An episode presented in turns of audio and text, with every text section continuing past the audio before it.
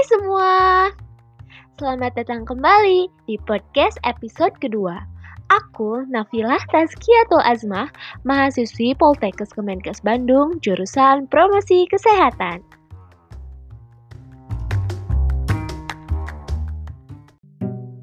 Bagaimana kabar teman-teman? Semoga selalu sehat ya. Di masa pandemik ini, kita harus ekstra dalam menjaga kesehatan tubuh. Jangan lupa untuk selalu gunakan masker, cuci tangan dengan rutin, dan selalu jaga jarak saat keluar rumah. Pada kesempatan kali ini, aku, Nafilah, akan menemani kalian selama beberapa menit ke depan. Oke. Bahasan kali ini tentang web dan aplikasi yang bisa kita gunakan untuk membuat berbagai desain seperti poster, stiker, editing foto, dan yang lainnya. Menarik kan? Nah, aplikasi desain grafis online punya kelebihan tersendiri loh teman.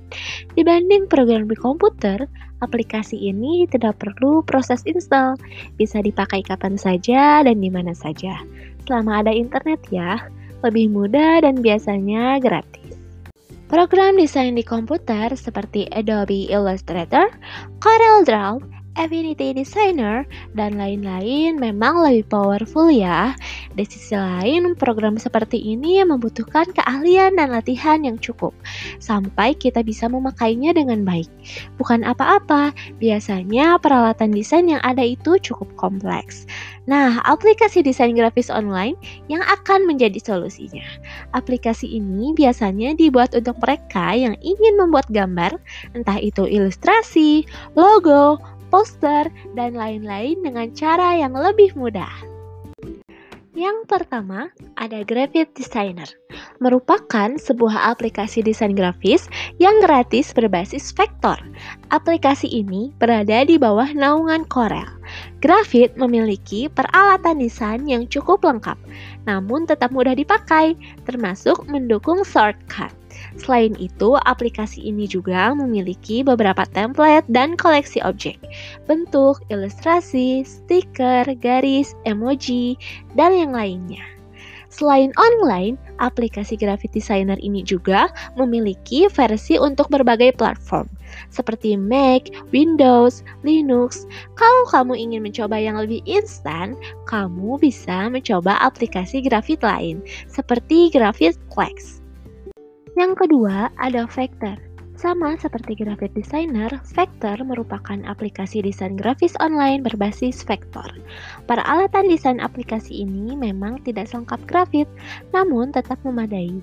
Kamu bisa membuat objek, mengatur tulisan, memasukkan foto, menggunakan layer, dan masih banyak lain. Vector pun memiliki aplikasi berbasis platform seperti Windows, Linux, dan juga Chromebook. Anyway, aplikasi ini juga gratis ya, jadi silahkan teman-teman coba. Nah, yang ketiga ini sudah nggak asing lagi, ya, yaitu Canva. Canva adalah aplikasi desain online yang populer. Kalau kamu ingin membuat banner website, konten media sosial, atau gambar lain dengan mudah, Canva adalah aplikasi yang layak dipilih. Di sini sudah ada berbagai template desain sesuai dengan kebutuhan dengan berbagai peralatan edit. Canva tidak hanya bisa diakses lewat browser saja, tapi juga sudah punya aplikasi handphone. Yang keempat ada Snappa. Snappa adalah aplikasi sejenis Canva. Aplikasi ini menyediakan banyak template desain, bahan foto, font, dan memiliki peralatan edit yang cukup lengkap. Bahkan kamu bisa upload font sendiri loh. Aplikasi ini pun cukup mudah untuk dipakai.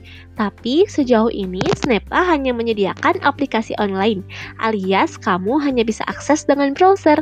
Belum tersedia versi instalasi untuk platform tertentu, termasuk versi mobilenya ya. Nah, yang terakhir ada Adobe Spark Post, merupakan aplikasi desain sederhana dari Adobe.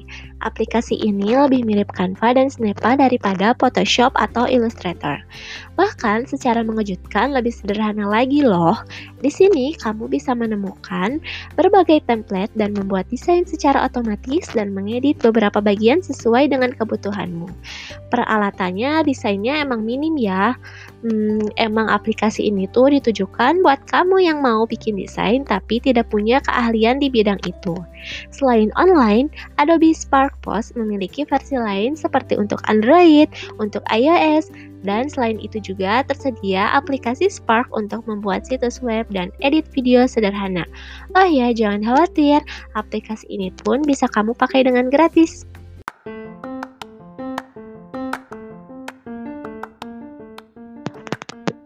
Bagaimana? Keren-keren kan?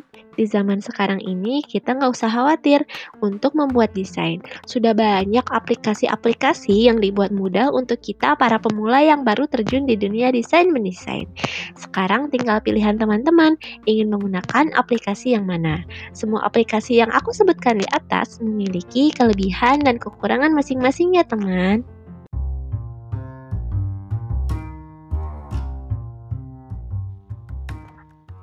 Terima kasih untuk teman-teman yang sudah setia mendengarkan sampai akhir.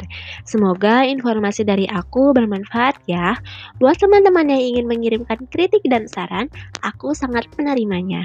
Boleh kirimkan saja melalui email di tazkiyatulazmah@gmail.com. Sampai bertemu di podcast selanjutnya.